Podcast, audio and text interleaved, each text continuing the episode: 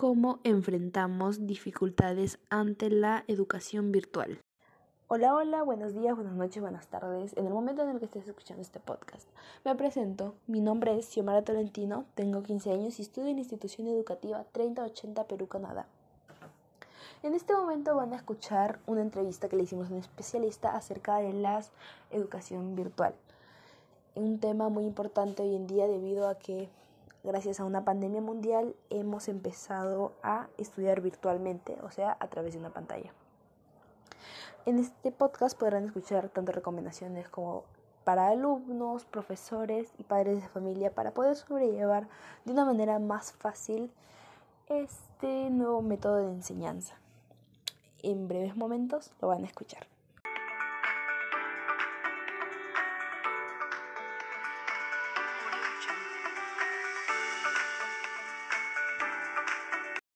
La mayoría de las escuelas privadas, muchos de los padres de familia están sumamente disgustados debido a que están pagando las mismas mensualidades. Eh, muchos de ellos han pedido a que les den sus pensiones de vuelta o otros están pensando en dar de baja a sus hijos y el siguiente año recién puedan tener educación. ¿Qué cree usted o qué nos podría decir acerca de esto para que los padres puedan reflexionar o para que puedan entender estos métodos que están tomando los colegios. Aquí el tema también va a radicar mucho en que el, el, colegio, las escuelas, tienen que hacer la entrega, hacer de conocimiento al padre de familia del plan de recuperación o el plan de la estrategia para la enseñanza virtual. Cuando eso no hay, cualquier padre de familia va a reclamar. El padre de familia también tiene que entender que el profesor no solo trabaja 40 minutos, ya lo decíamos hace un rato, trabaja mucho más tiempo.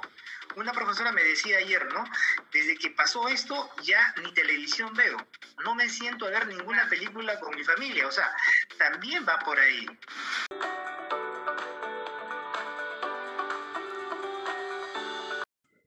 En estos nuevos tiempos, con estos nuevos métodos de enseñanza, el ambiente en el cual está situado el alumno para dar sus clases virtuales es más difícil debido a que la mayoría de ellos están en sus casas donde son más propensos a tener miles de distracciones debido a que están en un lugar compartido donde pueden haber personas o hasta cosas que los vayan a distraer, que no es como en un salón de clases que solamente estaba el profesor, su pizarra y sus demás compañeros, donde había menos posibilidades de distracción.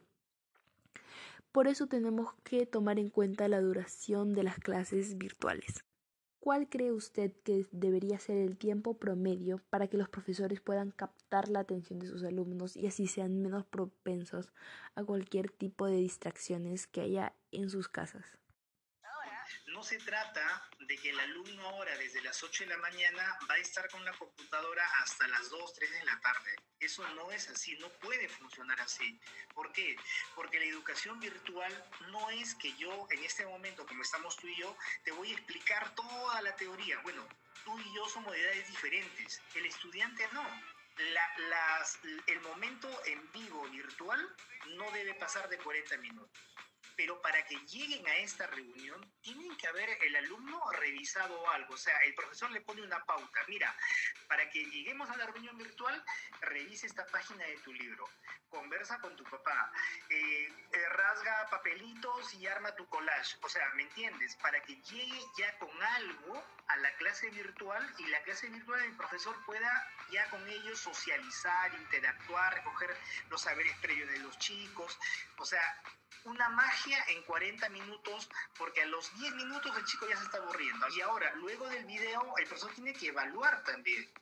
¿Y por qué es importante eso? Porque si yo, por ejemplo, veo que Stephanie tiene algunas limitaciones en tal desempeño, a ella le voy a mandar una actividad diferente si es que esa es el sentido pero si yo no evalúo y solamente estoy en la clase y todos están viendo, estamos felices, se acabó la clase y terminó, no tiene sentido. ¿no? Entonces la idea es que tiene que estar todo muy organizado.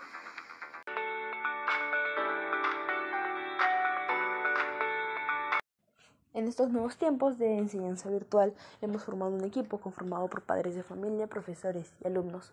Los padres de familia han empezado a brindarle su apoyo a sus hijos, ayudándoles a buscar información, a realizar sus tareas. Los profesores han empezado a tomar su tiempo libre para buscar maneras para la mejor comprensión de sus alumnos.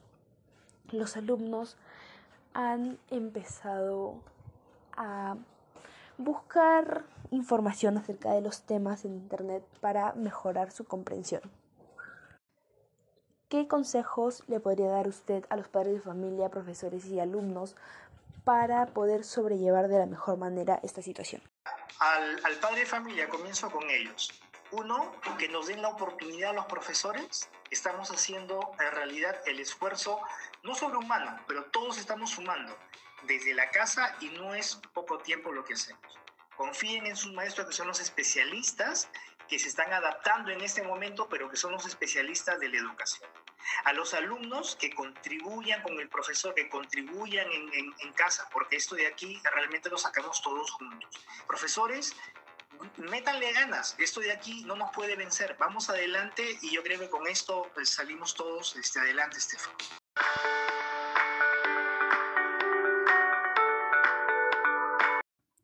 Espero que este podcast les haya gustado y que les ayude a poder sobrellevar este nuevo método de enseñanza virtual en estos tiempos de pandemia. Espero poder estar con ustedes pronto dándoles nuevos consejos para diversas ocasiones. Muchas gracias y hasta pronto.